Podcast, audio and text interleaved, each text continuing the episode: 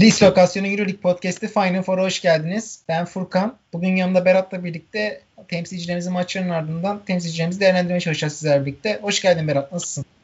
Ee, abi hoş bulduk. İyiyim. İyi olmaya çalışıyorum daha doğrusu. Sen nasılsın? İyi misin? Ben de iyiyim. Ee, görüyoruz sen denemelerden dolayı bayağı yoğun bir süreç geçiriyorsun. Ee, ee, benimki evet, de evet. sen benimki de senin altında kalacak gibi değil ama e, nasıl iyi gidiyor mu deneme netleri? ee, abi elimizden geleni yapıyoruz. Net konuşmayı pek sevmiyorum ama e, kendi içimde yaşamayı tercih ediyorum. E, başlamadan önce programa şunu da bir duyurusunu yapalım. Sabahattin Ali Nihal Atsız arkadaş mıydı en başta? Elbette bir kavgaları var ama dinleyenlerimizden de bunun cevabını bilen varsa e, Bize aşağıya bıraksın. bıraksın onlara güzel bir sürprizimiz var.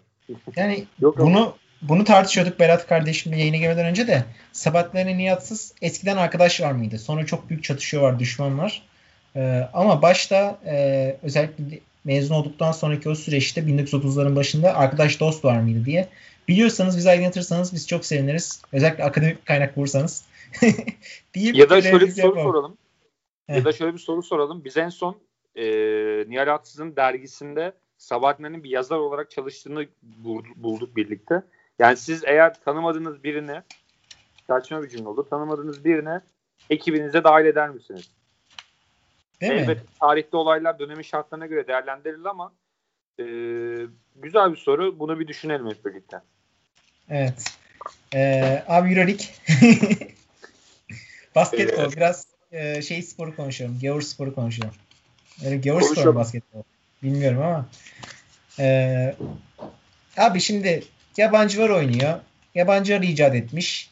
Pek Türk katkısı göremiyoruz. Bir işte Sertaş Şanlı'yı kenara koyarsak pek de bir Türklerle bağlantısı yok. O yüzden gavur spor diyebiliriz sanki ya. Olabilir. Evet evet çok makul bir sıfatlandırma belki de. Onun evet. için basketbolu yavaştan bırakıp güreşemedi gidelim ne yapalım. Yok abi tamam. Georspor diye böyle basketbol kötüleyerek başlamam nedeni bizim bugün konuşmaya Fenerbahçe ile başlamamız. Biliyorsun Fenerbahçe e, bir güzel bir gece geçirdi. Ancak ben o gecede oynanan şeyin basketbol olmadığından emin değilim. O yüzden sana böyle bir sorayım dedim. Yani bunlar ne icat etmiş?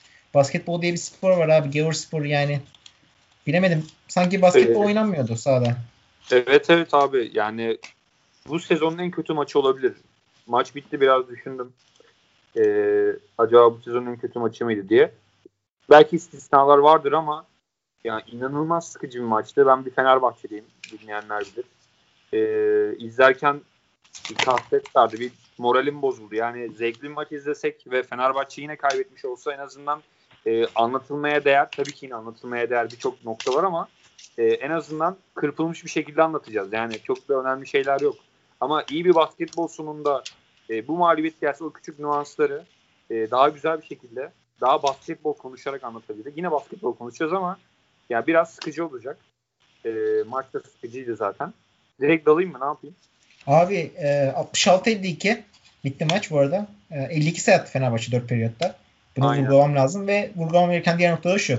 Fenerbahçe 23'te 3 üçlük attı. %13 üçlük isabeti.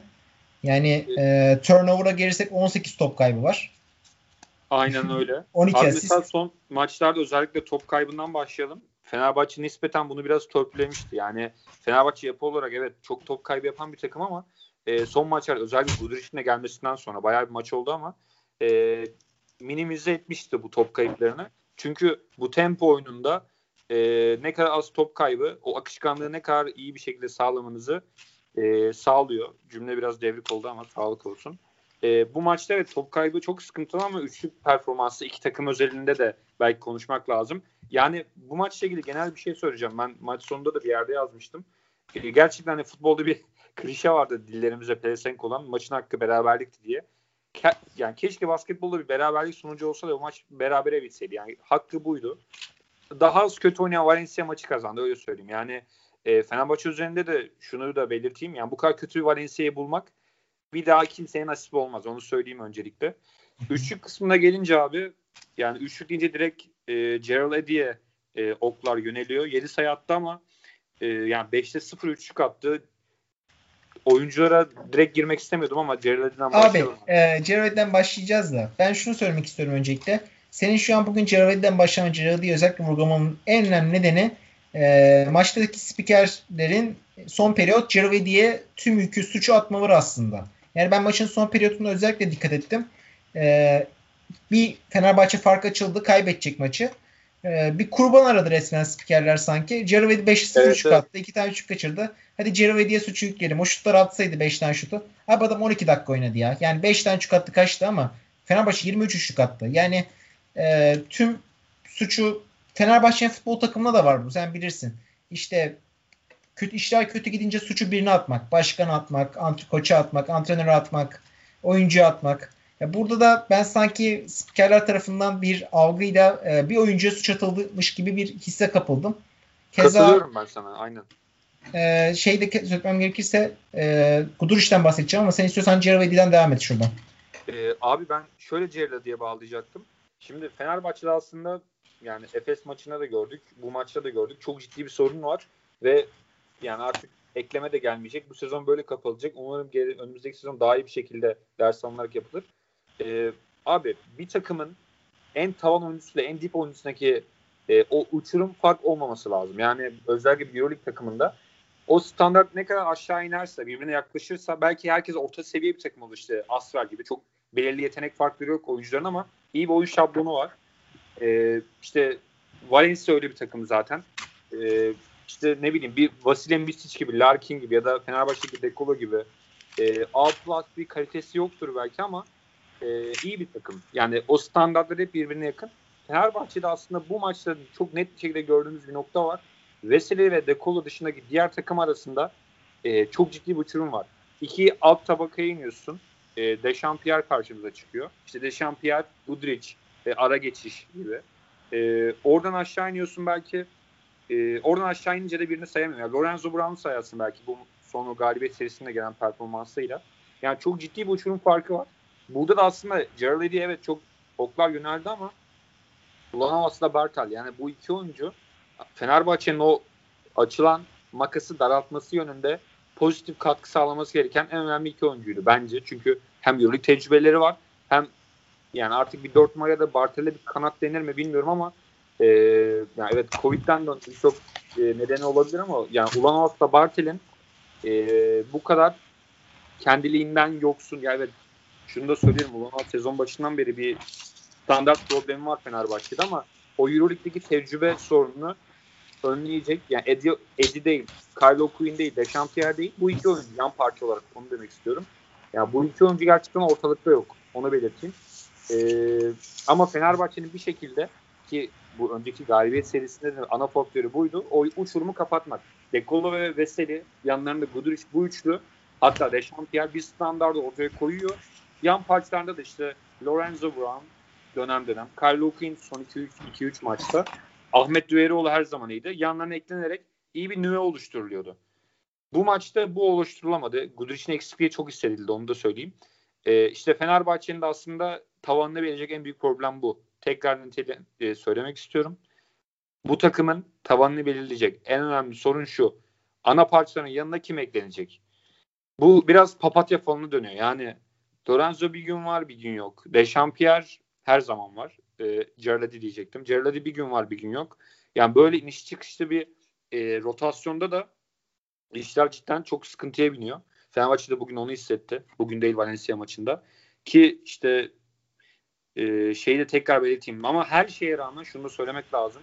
Fenerbahçe Valencia'yı yenebilirdi. Yani hep maç başa baş gitti. Çok küçük farklar daha iyi oynamak belirli periyotlarda o belirledi. E, Fenerbahçe'nin abi şöyle bir statistik de var onu da belirteyim yani yan parçaların etkisizliğine. E, Fenerbahçe 36 verimlilikle oynadı bu maçta. Bunun e, yanlış hatırlamıyorsam 37'si e, Nando De Colo ile Veseli'ye ait. Yani diğer takımın hepsi totalde eksi bir verimlilik yazmış Fenerbahçe'ye bu maçta. Yani buradan da mesela Efes'e geleceğiz birazdan. Efes'e hep aynı şeyleri konuşuyoruz ama Efes'in bu kadar iyi takım olmasının bir nedeni de elbette lider ruhlu oyuncular var, iyi oyuncular var ama o yan parçalar çok doğru bir şekilde doğru bir zamanda doğru yerlere monte edilmiş durumda. Her şey yerli yerinde. Fenerbahçe'de işte o yan parçalar dediğimiz kısımda kimler eklenecek, nasıl etkilenecek, ne duruma gidecek? Ya bunlar çok ciddi sorunlar. Ee, maçtan maça yok. değişiyor performansları. Yani aynen parçaları. abi maçtan maça değişiyor. Bu kadar inişi çıkışlı bir performans e, en azından skalası olmaması lazım. Yan parçanın bu kadar özgür olmaması lazım. Şuradan Eddie'ye bağlayacağım. Yani evet Eddie'nin üzerine çok e, algılar yapıldı. E, büyük algılar. Bu algı kelimesi de artık sinir bozmaya başladı ama e, abi Eddie'nin abi Eddie'yi şöyle söyleyeyim. Yarın Fenerbahçe'nin ayrılırsa e, bir Euroleague takımda süre bulması bence çok zor. E, gerçekten abi çünkü savunmada çok eksi yazıyor. Post topu aldı. Hoca onu post topla savunmayı tercih ediyor. Ben mantıklı da buluyorum. Yani kısa savunması durumunda daha da büyük handikap yaratacak Fenerbahçe. Çünkü ayakları çok yavaş. E, net bir pozisyonu yok. Oturtamıyorsunuz. Post-up savunmasında kullanmak zorundasınız ama post-up savunmasında da e, iyi bir genişliğe sahip değil açıkçası. Orada da basket faal çıkarıyor rakip oyuncular. E, yani hal böyle olunca Deşam şey Gerald Eddy'nin alabileceği süre 10 dakikaya geçmiyor. Bu maç 12 dakika oldu. İşte 2 dakika geçmiş. Çok önemli değil. O bulunduğu sürelerde de maksimum hücum performansında olmak zorunda. Yani bir tane atıyorsa onu sokmak zorunda. Mesela Melih Mahmutoğlu için de aynı şeyi konuşuyorduk. Ya bu takımın şut atacak adamlara ihtiyacı var yan parçalardan. E, Gerald ve Melih Mahmutoğlu, Melih Mahmutoğlu da dönmüş sanırım bugün. E, önümüzdeki maçı kadroda olacaktır. E, bir şekilde o performansı, şut performansını sağlamak zorunda. Kesinlikle. E, 5'te 0 attı ve abi yani hepsi de çok kritik toplar. Dekol'un da bir kritik topu vardı ama o şutlardan biri girse çok bambaşka bir şey de konuşuyor olabilirdik. Ee, yani şunu demek istiyorum. Yan parçaların bu kadar hata yapma lüksü yok. Hele Veseli ve Dekola bu kadar formda ve maksimum veriminde oynarken e, biraz daha gayret sarf etmeleri Abi, lazım. Ee, Şu, şuradan gireyim ben de. Buyur buyur. Ee, yan parçalardan Kenan Sipahi'ye süre verdi. Kyle Kuyun'e süre verdi. İşte Muhammed Ali, Ahmet Duyarov, Ulanovas. Abi sıfır sayıda saydığım adamların hepsi. Sıradan Aynen. Saydım ben sana. Hepsi ya bu arada sayı. ben Kenan'ı da beğendim yani. Kenan da fena değildi ama doğru söylüyorsun. Yani e, burada mesela ben şeyi de gördüm. İşte Kenan'ı suçlayan taraftar da gördüm sosyal medyada. Kenan niye oynatılır oynatılır mı? Abi Queen sıfır sayı senin aldığın yedek pivot. Evet. E, Ceravedi 5 tane şut kaçırdı. Bu adamın temel görevi üçlük atmak yani. E, Aynen. Bir tane sokması lazım. Üçlük atmıyorken hiç çekilmiyor Ceravedi. E, ama ben burada sana asıl mağlubiyetin temel nedenini söyleyeceğim. E, ben 18 top kaybına bağlıyorum ve dolaylı olarak da tabii ki de Guduric'e bağlıyorum. Guduric varken Fenerbahçe Euroleague'de son 13 maçta 12 galibiyet. Bir tek Efes'e kaybetti biliyorsun. Guduric bu maçı ilk defa yoktu uzun bir süre sonra. Guduric olmayınca e, takımın resmen e, Tuğlar var Fenerbahçe'de ama arada bir çimento lazım. O çimento da e, Guduric oluyor. Takımı birbirine bağlayan tutkal görevi görüyor neredeyse tutkal görevi gibi e, sahada yer alıyor. O top kayıplarını azaltıyor. Doğru anda topu eline alıp bir oyun sistemini kuruyor. Bir hücum planını kuruyor. Kuduric olmayınca Fenerbahçe gerçekten e, yedek bir oyun planı yokmuş gibi afavladı gibi oldu bu maçta özellikle. Şutları tabii ki de girmedi. Evet ama Guduric olunca en azından daha doğru şut buluyor Fenerbahçe sahadayken. E, Guduric'in olmamasının eksikliği inanılmaz bir şekilde hissedildi diyebilirim maç üzerinde. Aynen abi şunu da belirtelim. Ya mesela koç son periyotta ilk 5 ya önemli kısımda da son periyotta 5'i bulamadı. E, ya bu da bir Euroleague maçları için işte crunch time falan diyoruz. Çok ciddi sorunlar. Yani bahsettiğimiz oyunculardan biri ikisi bir ışık yaksa, fitil ateşlese e, hocanın da eli rahatlayacak. Yani bu maçlar aslında pek hocayı eleştireceğimiz maçlar değil açıkçası. Yani o burada şu döneminde oluyordu. Sürekli bir şey deniyorsun. Deniyorsun. Kimseden verim alamıyorsun. En son Kenan'a gidiyorsun. Ee, işte Bobby Dixon da biraz şey e, bazen eleştiri gördüm ama artık Bobby'den geçti onu da belirtelim. Ve abi ben e, şunu da söyleyeceğim. Sende de yayınlarda konuşmuştuk. E, son Başakşehir Bahçeşehir maçında Başakşehir nereden çıktı? Lig maçında yani dün. E, evet. Tarık çok iyi oynadı ve abi ya ben Tarık'ın mutlaka rotasyona eklenmesi gerektiğini düşünüyorum. Yani e, Ulan Fizik açıdan iyi değil mi? Fizik açıdan iyi ve şut sokabiliyor. Yani abi bu... kesinlikle kesinlikle. Mesela e, hani genç oyuncu diyorsun Eddie'den fiziği onu söyleyeyim. Post-up savunmasında birebir adam savunmasında topa baskı da yapabiliyor belirli noktalarda. Ben hiç eksik olduğunu düşünmüyorum. Ve abi kritik nokta elbette şut. Yani dribbling üstü orta mesafeli atar mı atar. E, nokta şutör olarak yapabilir misin? Yapabilirsin. Zaten bu oyuncuların bir iki basamak atlaması için yani bu şekilde süre vererek kazanıyorsun. Yani kendiliğinden olmuyor. Antrenmanı şut atarak bir yere gelmiyorsun. Maç Aynen başında öyle. süre vermen lazım. Türk basketbolunun ben... en temel sorunu da bu. Oyunculara süre vermemek. Yani oyuncular antrenmanı ne kadar çıldırsa da, iyi oynasa da, altyapı ne kadar coşsa da sen onun amil takımda süre vermezsen o parlamıyor. Yani bu sene Alperen Şengün süre almasaydı o da parlayamayacaktı. O kadar yeteneğine, yıldızına, fundamentalına rağmen. Aynen, İlla ki abi. oynatmak gerekiyor bir yerde. kesinlikle ben yani şu rotasyonda özellikle bu Valencia maçı niye denenmedi bilmiyorum. Ee, önümüzdeki maçlarda kadroya girer mi emin değilim işte sakatlar falan dönüyor ama e, yani Tarık'ın mutlaka ben süre bulması gerektiğini düşünüyorum. E, Fenerbahçe'de oynadığı maçlarda da evet fark yediği birkaç maçta oynadı Barcelona'da, Zalgiris'te falan ama e, kötü de oynamadı. Ben Tarık'ın mutlaka denenmesi gerektiğini düşünüyorum. En azından geleceğe dair de bir kazanç elde edebilirsin. Yani bir Cerledi'den elbette yine bu adamlar oyuncular süre bulacak ama e, bugün oynar yarın oynamayabilir ama bir Tarık kazanımı bir işte Cerradi kazanımından birçok şeyi de daha fazlasını özellikle beraberinde getirebilir. Onun için ben Tarık'ın mutlaka rotasyona eklenmesi gerektiğini düşünüyorum. Özellikle bu sıkıntılı yan parçalar e, Abi, e, olunca. Görüşüne saygı duymak ve e, bir miktar katılmakla birlikte bunun bir tık gerçekçi bir hayal olmadığını düşünüyorum ben. Çünkü söz konusu Fenerbahçe bek olduğum ve elinde yabancı oldu mu e, o yabancı illaki bir şekilde Tarık'ın önünde oynarmış gibi geliyor bana yıllardır gördüğüm gözlemlerimin sonucunda. Tabii Kokoşkov o gözlemler bir tık ters düşmüş olabilir düşüncelerime göre ama e, emin olamıyorum diyeyim. Ancak Tarık'ın fiziğinin gelişimi ve dribbling üzeri şut atabilme yeteneğinin e, olması onu özel bir oyuncu yapıyor ve bir şekilde oynaması süre bulması gerekiyor. En azından lig maçlarında da olsa süre bulması gerekiyor. Son lig maçında 20 dakika oynadı mesela. Hep 20 dakika civarında oynaması gerekiyor lig maçlarında. Fenerbahçe'nin Efes haricinde ligde yenemeyeceği takım yok bence. Yani şu koşullar altında. Ee, Euroleague'de olmasa bile orada deneyebilir. Mesela hala Ergin Ataman, Buğran Tuncer ligde yıkıp yük döküyor topu. Ama Euroleague'de bir dakika bile oynatmıyor onu. Ya da Canan Musa'yı keza. Ee, olabilir abi. Yani zorluk seviyeleri farklı. Koç oynatmayabilir Euroleague'de genç oyuncu ya da yeni oyuncu, adapte olmayan oyuncu. Anlayışa saygıyla karşı varım. Ama yine de ligde Ama oynaması gerekiyor diyeyim ben de. Bence şöyle bir fark var. Yani Efes'te bir Euroleague maçının Buğra'nın gerçekten süre bulması zor. Ne kadar iyi oyuncu olursa olsun. Çünkü gerçekten orada parlayan e, gözümüz gözümüzü adeta e, cümleyi kuramadım. Yani kamaşan bir şey var orada. Elmas gibi bir yapı var. Bir işte ne bileyim dişli var, çark var her neyse. Ama Fenerbahçe'de işte ya ben şundan dolayı diyorum. Tarık ne bileyim o yan parçalar dediğim kanatlar özellikle iyi işlese Tarık'ı ben söylemeyeceğim bugün. Ama eee Fenerbahçe Ama istemiyor. Abi, istemiyor. Abi yani son 14 maçta 12 galibiyet aldı Fenerbahçe. Bu 12 galibiyet alırken biz hep işliyor işliyor diye konuştuk konuştuk. Bu maç özel işlemedi. Ben temel nedeni Guduric'e bağlıyorum. Guduric işlemedi diye yani e, tüm yan parça var ah vah etmeye pek de gerek yok sanki. Yani bu maç bir kayıp oldu. Bir kötü bir gece oldu ama önündeki 5 maçın hala 5'inde kazanabilecek potansiyelde gibi geliyor bana Fenerbahçe Beko. Yani bugün Ceravedi'nin hiç şut sokamaması, e, Ulanovas'tan, Kyle Quinn'den hiç skor katkısı sağlamaman bana bugün özelmiş gibi durum geliyor. Yani onu bence bir şekilde sokabilirsin oyuna. Abi ben, ama şöyle diyeyim e, ben bu arada katılıyorum sana belirli noktalarda ama Guduric gerçekten özellikle Guduric, Veseli, e, Dekolo birlikteliği de şampiyon da etken, et, eklenmesi oraya. Yani birçok açıyı kapatıyordu. Ama mesela şimdi şuna bence kimse karşı çıkmaz. Bartel, Ulanovas, Gerald Bu üç oyuncu Lorenzo'yu da belli dönemlerde etkile, etki, etkileyebiliriz yanlarına. Yani ne oynadı mesela hani galibiyet serisine dahil olmak üzere. Ya bence kendilerini çok ciddi bir gelişime uğratmaları lazım. Evet. Ee, yani Ulanovas ve e, Edi konusunda sana %100 katılıyorum. İkisi de yani bana kalırsa Fenerbahçe Beko'da olmaması gereken oyuncu var.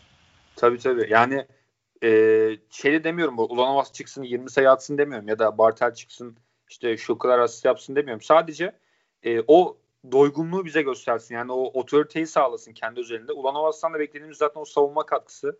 E, ya maç özelinde de biraz düşündüm. Yani mesela Kalinic bugün tam tersi tarafta olsa bırakmamış olsam bence bu maçı Fenerbahçe alırdı. Kalinic çok büyük fark yarattı. E, yani Fenerbahçe'nin sezon başına da söylüyorduk bunu aslında. E, kötü bir tablo çizmiyorum ama e, oyunu bilen, o ağırlığı olan oyuncu sıkıntısı var. Bu da tabii ki düzelecektir. Önümüzdeki sene hoca daha istediği gibi kadro kuracaktır ama e, bu maçta bu mağlubiyeti getiren etkenler ne oldu? Guduric'in olmaması çok büyük bir etken. Ve evet. abi e, genel pencereden de bakacak olursak yani Fenerbahçe evet çok fazla bir şey kaybetmedi. E, hatta maç sonunda dedim kime dedim hatırlamıyorum ama yani kazansa çok büyük bir şeyi başaracaktı. Birçok avantajı elinde getirecekti. Ya yani klasik bir Fenerbahçe kültürü bu her spor branşında. E, elini rahatlatacak her şeyden feragat bırakıyor yani. E, alsa çok büyük bir gerçekten avantaj olacaktır. Real Madrid'in üzerine çıkacaktın. E, Bayern'le eşitleyecektin. e, galibiyet mağlubiyeti. Şimdi yine kaybedilmiş bir şey yok ama işte önümüzdeki maçları biraz daha ciddi bir duruma getirdin açıkçası. İşte şimdi e, Valencia çok ciddi bir aday bence ilk 8 için. Yani Fenerbahçe bir şekilde e, iki, ga- iki maç fark var abi. Valencia ile Fenerbahçe arasında iki maç abi fark var. Ikili, var, ikili averaj Valencia'da şu an. Onu da belirteyim yani iki maçta da.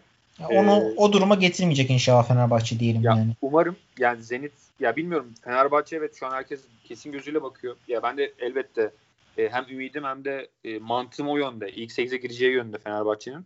Evet. E, bunda da en büyük etken tabii ki hocanın her şeyi maç maç üzerinde değerlendirmesi. Ya bugün Valencia maçı geçti. Ya futboldaki gibi değil. Diğer maçı istirahat etmiyor hiçbir şey. Bu maç bitti ve orada kaldı. Bu çok önemli bir şey. Hocanın bu yapısı da takım bu iyi bir şekilde hazırlayışı da beni oldukça güven veriyor. Eminim insanlar da veriyordur. Ee, İyi, yani abi, maçı kazansın e... büyük bir avantaj. Aslında büyük avantaj teptin açıkçası. Ama evet. yine de bitmiş bir şey yok. Şimdi Zalgiris var iç sahada. Çok zorlu bir maç olacak. Herkes banko bakıyor ama e, hiç belli olmaz.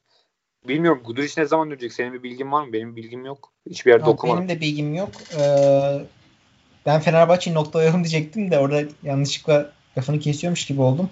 5 ee, maç var abi dediğim gibi. Zalgiris, Olympiakos, Bayern Münih, Barcelona, Real Madrid. Son iki maç haricinde burayı Fenerbahçe'nin 3'te 3 geçmesi lazım. Özellikle haftaya Zalgiris kazanması çok önemli. Zalgiris bir direnç koyabilir. Çünkü Efes'e çok kötü kaybettiler. Oradan da bir kalkacak vardır onlar. Aynen. Ee, ama Gudur için dönüp dönmemesi bana kalırsa da anahtar şey olacak diyeyim. Sene Fenerbahçe hakkındaki son sözlerini alalım. Sonra Efes'e geçelim abi. 22 dakika ee, olmuş. Galiba. Abi kötü kötü bir mağlubiyet diyemem. Ee, umarım hatalardan ders çıkarılır ki eminim çıkarılır. Ee, çok yakında güneşli günler diyebiliyor muyum bilmiyorum. Umarım derim. Abi şöyle diyeceğim. Şey daha. E, Efes'e geçelim ama öncesinde çok kısa bir şey mi atsak? Ekle. En sonda mı atalım? Şu Beşiktaş maçındaki olaylar. Abi en sonda atalım onu. İyi tamam hadi Efes'e geçelim. Efes e, abi Efes pasını şöyle atayım sana. E, abi Efes bildiğimiz gibi nazar değmesin hep böyle övüyoruz ama dinleyenlerimiz de umarım anlayışla karşılıyordur. Yani gerçekten Efes konusunda yani eklenecek bir şey yok. Eleştirecek bir nokta da yok. Yani gerçekten dolu dizgin.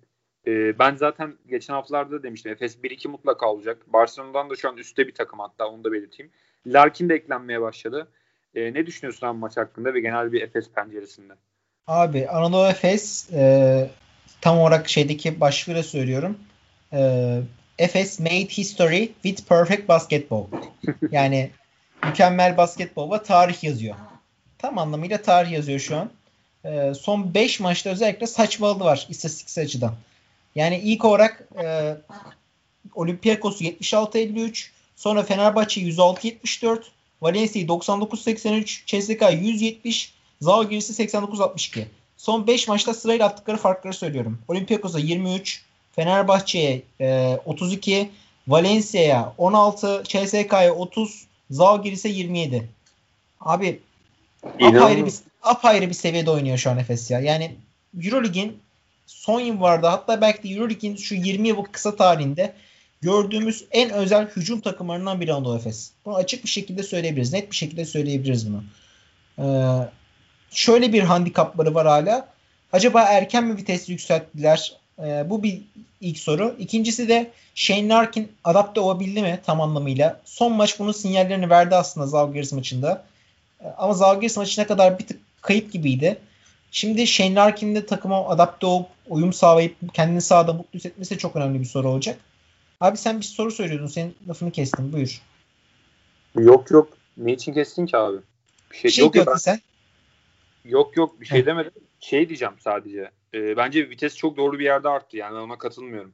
E, daha ne oldu yani Final Four'un ilk maçında mı artacak vites? Zaten bu bir süreç. E, günlük tek günde olacak bir şey değil. Zaman zaman oluyor. Yani bir anda bir aya yayılmış bir periyotta yapıyorsun sen bunu.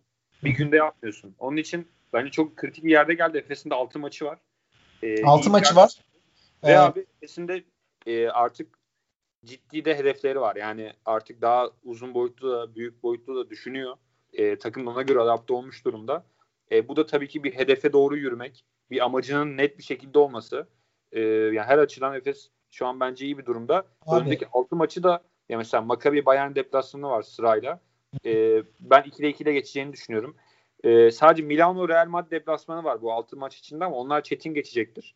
E, ama ben yine bu arada Efes'in bütün yani sadece Panathinaikos varmış içeride. Ben de Diğer maçta hep deplasman ama yani bu oyun gücü e, iç sağ dış sağ pek fark etmiyor. Yani her şekilde götürebiliyorsun işi. O da çok değerli tabii ki.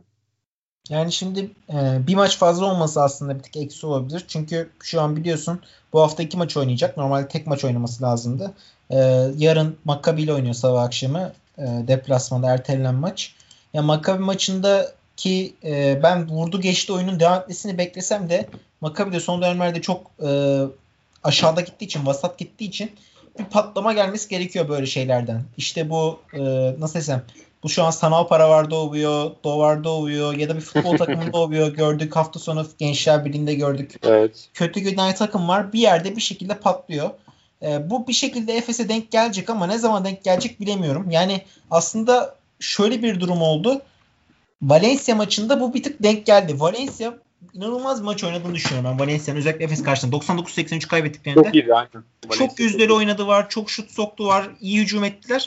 Ama Efes öyle bir ayrı bir hücum dominasyonu sahipti ki Valencia'nın iyi oyununa çok çok daha iyi bir şekilde karşılık verdi. Şimdi bunu çok çok daha iyi bir şekilde karşılık verdirme olayını ne kadar daha sürdürebilecek Efes? Bu onun e, şu deplasman karnesini belirleyecek aslında. 6 maç, 5'i deplasman. E, Panathinaikos'taki iç sahada.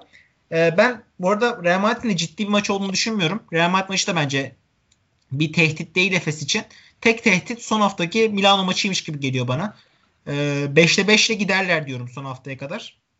Bana da öyle geliyor. Ve abi şunu da söyleyeyim bu arada. Hani e, Efes hep bu dominasyonla oynamak da zorunda değil. Yani biraz vitesi de düşürebilir. Bence çok normal bir durum. Olursa da şaşılacak bir durum da değil. Yani bu insanlar da bir insan. Saçma bir cümle ama. E, çok normal. Yani bir yerde bir yükseliş varsa hafif bir tökezleme mağlubiyet demiyorum vitesi düşürme olur. Çok normal bir durum. Saçma bir durum da değil. Absürt bir şey de değil. Ama kazanarak geçmek ki bence Efes kazanarak da geçecektir mutlaka. Evet. E, bir tık da maç özeline ineyim abi istiyorsan. Zalgiris maçı özeline.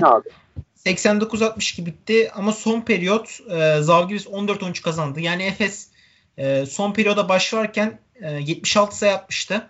Biz 100'e vurmasını bekliyorken o 89'da kaldı. 13 sayılar son periyot bayağı e, vites düşürdü Efes. Yani maçı pek ciddiye aldıklarını net bir şekilde söyleyemeyiz. Özellikle hücum tarafında saçma sapan şutlar attılar. E, hiç beklenmeyecek Efes kalitesinde. O periyodda Zalgiris bir sayı fark kazandı. E, hatta çok işte iddiadan yatmış Twitter'da falan bundan çok den vuruyordu insanlar. Çünkü Efes öyle skor öyle skor atıyordu ki ilk periyot 26 sayı, ikinci periyot 23 sayı, üçüncü periyot 27 sayı, etti 76 sayı. E, bekliyor herkes 100 sayı üstünü geçer tarzında. 13 sayı atınca çok şaya kırıklığına uğradı ama e, dinlendi diyebiliriz. Aktif bir dinlenme yaptı sahada son periyot.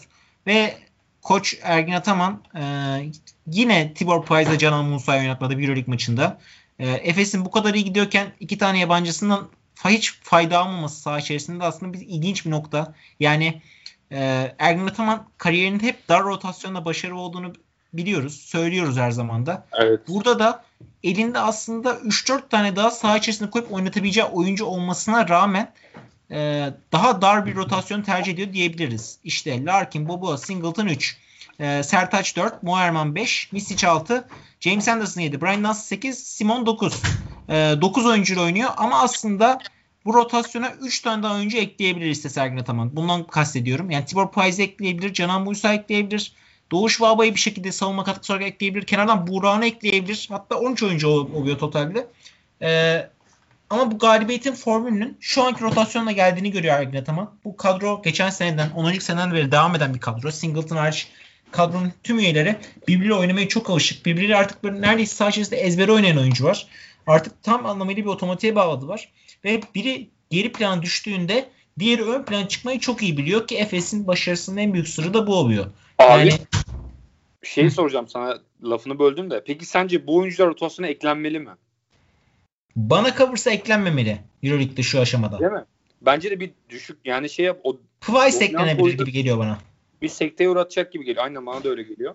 Ee, onun için çok da büyük bir ihtiyaç değil. Ee, ama Plyce belki yavaştan eklenebilir ama yani Sertaç o kadar iyi oynuyor ki e, yani Plyce iyi bir Sertaç hani diri bir Emre Akbaba gibi iyi bir Sertaç gerçekten yani Plyce hatta dansına da göre birçok parametrede ki bunu e, defalarca konuştuk. Birçok noktada büyük avantajlar getiriyor. Plyce'a da açıkçası çok gerek olmuyor. E, Bana hala Plyce'ın e, Sertaç ve Dunstan olmayan özelliklerinden özellikle orta mesafe şutundan ki Sertaç bunu çok iyi kapatıyor şu aşamada ve e, evet. uzun boylu uzun cover'da bir blok tehditinden hala faydalanabilecekmiş gibi geliyor. Ama ligde de oynatmaya başladı yavaş yavaş Ergin Ben onu e, iki maç içerisinde yürürlükte sahada görmeyi bekliyorum. Ama Canan Musa'yı görmeyi beklemiyorum mesela. O tamamen takımdan bağımsız bir şekilde ligde oynuyor. Görüyorum ben onu da. Ee, o noktada mesela Dunstan'ın fiziksel açıdan bir tık geri gittiğini görmeye başladım son maçlarda. Yani pota altla mücadele ediyor ama eski efektifliğinde değil gibi sanki. Geçen seneki o e, Efes'in harika sezonunda zaten belli bir süre evet. yoktu. Ama sene başında daha böyle aktif, daha böyle hırslı gibiydi sanki. Ben bir tık böyle Sertaç ön plana çıkınca Dunstan'ın bir gölgelendiğini düşünmeye başladım. Ee, Sertaç da o kadar mükemmel oynuyor ki. Yani nazar değmesin diyeceğiz. Başka bir şey demeyeceğiz. Gerçek manada e, takımın ilk 5 pivotu hatta belki de Avrupa'daki en iyi takımın en iyi pivotu benim dercesine e, bir ortaya iddia koyuyor. Ama Efes kısa evet, takım sonuç olarak. En formda uzunlarından ilk 3'e yazılabiliriz yani bilmiyorum. Ee, tabii zor bir soru ama. Evet. Abi e, ama Efes sonuç olarak kısa varın takımı. Yani Larkin, Boboa, Misic, e, Simon. Bu dörtlünün ne yaptığını yapmayacağı belli oluyor. Bu top, dörtlünün nasıl karar verip vermeyeceği bu takımın gidişatını belirliyor. E, burada Misic'in liderlik vasfının çok ön plana çıktığını ve Simon'un da o sakatlıktan döndükten sonra yavaş yavaş takımdaki rolüne oturmaya başladığını söyleyebiliriz. E, Bobola Larkin de iyi şut atması Efes'in bu dominasyonunu getirdi kısaca özetlemek gerekirse. iki tane oyun hakkı, iki tane de iyi şutör. E, ama dörde top sürebiliyor. Topu yere vurabildikleri için, dribbling yapabildikleri için e, apayrı bir seviyeye çıktı Efes ki burada Efes aslında bu maç üzerinde rekorları kırmaya gidiyordu. Yani 4. periyot 10 tane falan ne üçlük kaçırdı Efes.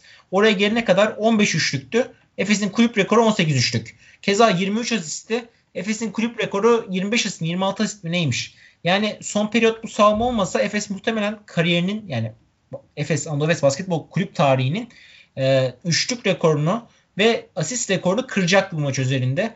O şekilde bir otomatiğe bağladılar yani. Eğer ne şekilde soruyorsanız evet. derseniz. Yani %44 gözüküyor şu an. 34'te 15 gözüküyor üçlük yüzdesi. Ama bu çok aldatıcı bir rakam. Yani son periyot 10 e, tane, 11 tane hatta 12 tane de olabilir. Tam bilmiyorum rakam ama ondan fazla. Ondan eminim. E, bir sayıda üçlük kaçırdı Efes. Bu yüzden yüzdesi düştü. E, normal şartlar altında yüzde geçerdi bu maç. Hatta maç belli bir yerde 40 sayı farka da çıktı ben gerçekten Zalgiris koçuna e, maç içerisinde acıdım. Martin Schiller maç öncesinde oyuncular antrenmanı çıktı, ısınmaya çıktı. Oyunculara e, maç taktikleri falan verdi böyle. Beyin Sports'ta gösterdi öncesinde. Eşofmanı giymiş. İşte oyuncuların toplarını atıyor, pas atıyor onlara. Buradan tepeden üçlük atacaksınız tarzında. Nigel Weiss o kadar çalıştırdı eski Galatasaraylı. Bayağı şut attırdı ona dışarıdan. Ama e, iki sayıyla bitirdi maçı. Çok verimsizdi o da. Yani Efes'in oyun planına karşı Zalgiris sahaya hiçbir şey sunamadı. Bir tek Thomas Walkup'ın 8 asisti çok ön plana çıktı. 15 sayı 8 asist oynadı o. Onun haricinde tamamıyla takım halinde dağılı var gibi. Bir maçın başında bir Geoffrey Lauren çok ön plana çıkıyor gibi. Yani bir isyan ediyor gibi olmuştu. Ama e, ilk periyoda baktığımızda Zalgiris oyundan düşmemesine rağmen Efes farkı 14 sayıya çıkardı. Yani ilk periyod sonucu 26-12 ancak maçı izleyen kimse Zalgiris'in ilk periyot kötü oynadığını iddia edemez. Yani belki evet. şutları girmedi, şey girmedi ama e, sahibi direnç koydular, mücadele ettiler, rekabet ettiler ama Efes'in oyun kalitesi ön plan çıkınca skor 26-12 oldu. E, Lofren'in sakatlığı sonrası, Lovren'in sakatlığı sonrası Zalgiris'in pot altı bayağı aksadı. O da onlar Lovren mi? Aynen Geoffrey Lovren e, bir pozisyonda sırtının üstüne düştüğü için e, beli incidi ve maça dönemedi. Yürürken çünkü dik duramıyordu. Seke seke evet, kenara evet. geldi. Bayağı acı çekti.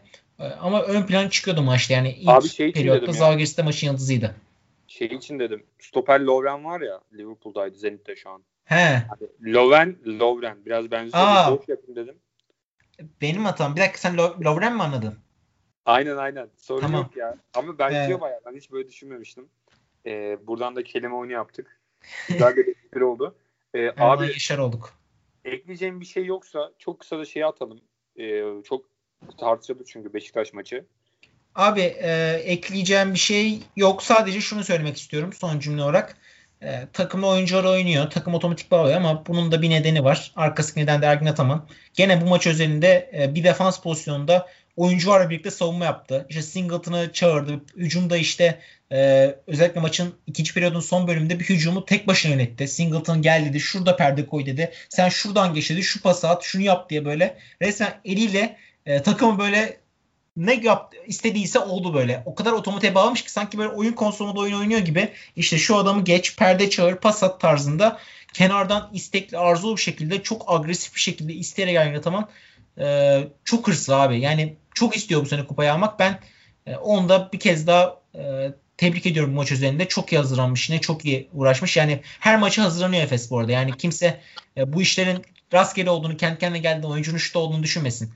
Bu takım var. Fenerbahçe'de, Efes'te her maç üzerinde takımın rakiplerine hazırlanıyorlar ve e, gene inanılmaz bir galibiyet aldılar. Koç'a da bir tık yazar diyeyim. E, ve Efes'i de kapatıp istiyorsan şu Tofaş Beşiktaş maçındaki olayı ben sana sorayım. Sen biraz konuşun hakkında. Ben o maçı canlı izledim. Aynı saatte Galatasaray futbol maçı olmasına rağmen o maçı izlemeyi tercih ettim. Çünkü Alperen Şengün e, inanılmaz bir top oynuyordu. Karşısında Tomislav Zubcic e, bir bunu bir mesaj olarak alıp e, olayı kişiselleştirip apayrı performansla da ortaya koydu. 26 sayımlı attı o da. E, bir uzun olarak çok iyi şut atıyor bu arada. Ben onu da çok beğeniyorum. Euroleague'de bence fırsat verilebilir bir oyuncu. Neyse. E, son topta şöyle bir olay oldu. Tofaş öndeydi. E, Tof Beşiktaş hep geriden geliyordu zaten. E, sonra bir yerde yakaladılar. Geçtiler. Tofaş tekrar geçti. Son 3 saniye kala Ahmet Kandemir mova aldı. 2 sayı gerideydi Beşiktaş. E, bir set çizdi. Sette e, istedikleri pek olmasa bile köşede Ercan Osmani driplikle birlikte köşede kendine bir şut imkanı buldu ve çok kötü bir şut attı. E, ancak kötü şut inanılmaz bir şekilde çok değişik gitti top. Girdi ve e, Beşiktaşlar ilk 2-3 dakika çıldırdılar. Galibiyeti kutladılar. Hak ettiler çünkü. Çünkü çok saçma sapan bir şut. İstedikleri gibi set olmamasına rağmen e, mükemmel bir şekilde maçı kazandılar. Geriden gelip hep geridelerdi. E, öyle olunca 2-3 dakika sevindim. Ben de sevindim hatta e, gençlerin o sevincine, Türk gençlerimizin bizim o Beşiktaş'taki altyapıdaki oyuncularımız genç ya, altyapı demesek yanlış altyapı yanlış olur da Beşiktaş Türk oyuncularını sevindim. Çünkü Beşiktaş tutuyordum o maç üzerinde. Neyse 3 dakika sonra e, hakemler şeyden izledi, ekrandan izledi ve şeyin Ercan Osmani'nin ayağının çizgiye bastığı gerekçesiyle sayıyı iptal edip e, maçı olduğu yerden başlattılar. Beşiktaş'a foul yaptı. Tofaş da farkı 4'e çıkardı ve maç da orada bitti. E, buradaki soru şu. Şimdi hakemler normal şartlar altında e, ekrana gitme nedenleri maçın süresini kontrol etmekti. Top Ercan Osman'ın elinden yeteri kadar zamanda mı çıktı, çıkmadı mı? Bunu kontrol etmek için gittiler ve şunun için gittiler. 3 sayı mı değil mi? Ayağı çizgide miydi? Değil miydi? 2 sayılık basket mi? 3 sayı kazanmış. 2 sayı olsa uzatmaya gidecek. 3 sayı olsa Beşiktaş maçı kazanacak. E, bu iki kritere bakmak için gittiler.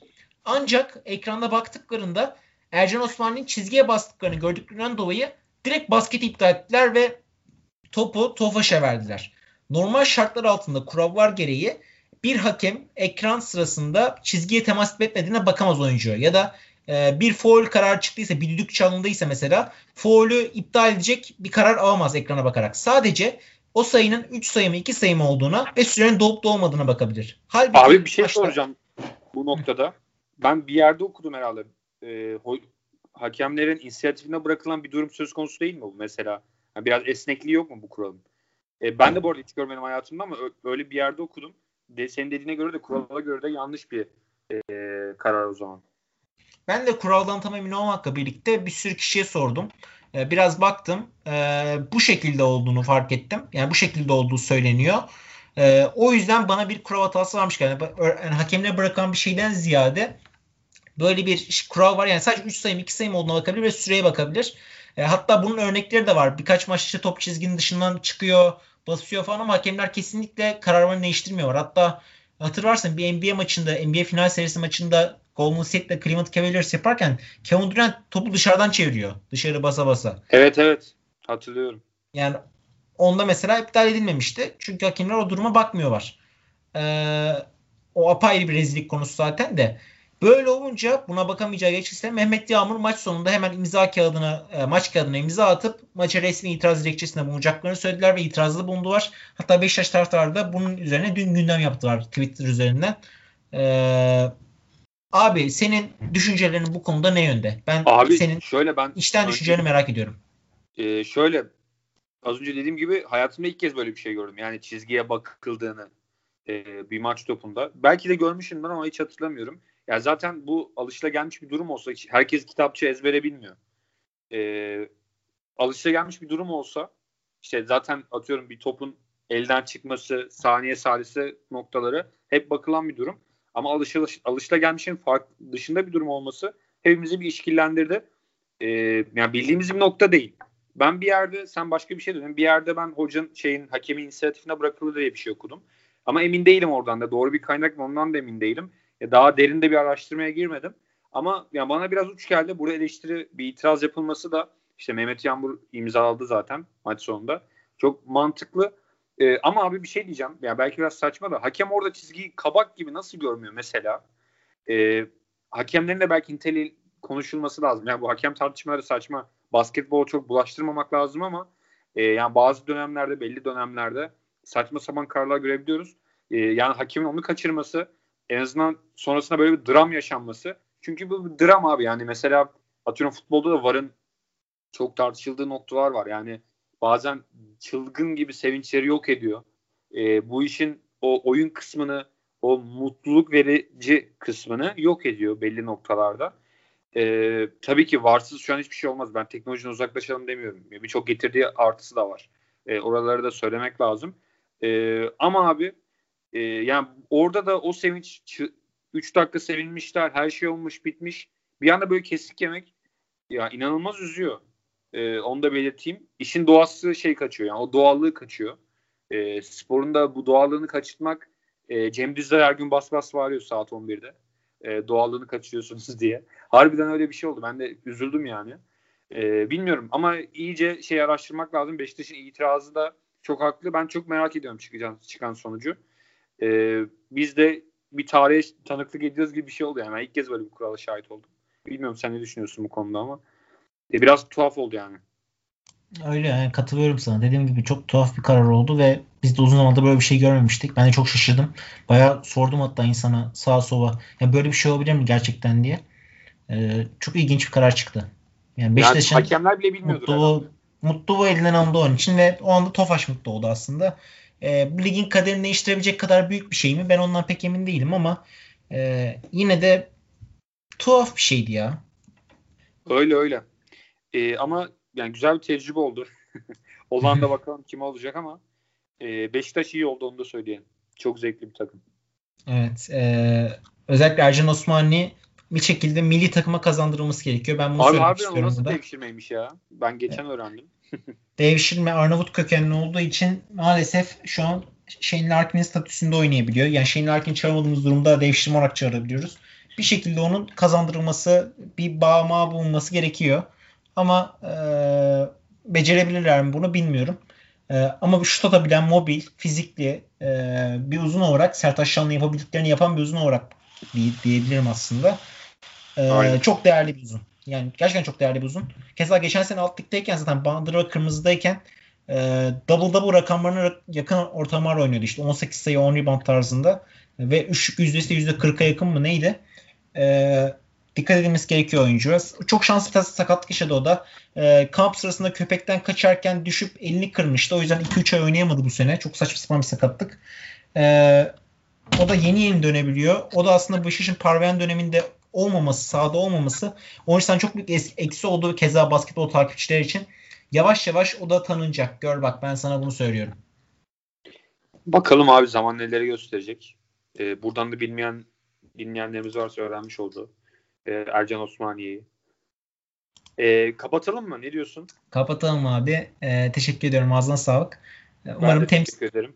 temsilcilerimizin bir dahaki haftalarda kazandığı, bu haftalar kazandığı e, daha güzel günlere görüşmek üzere diyelim.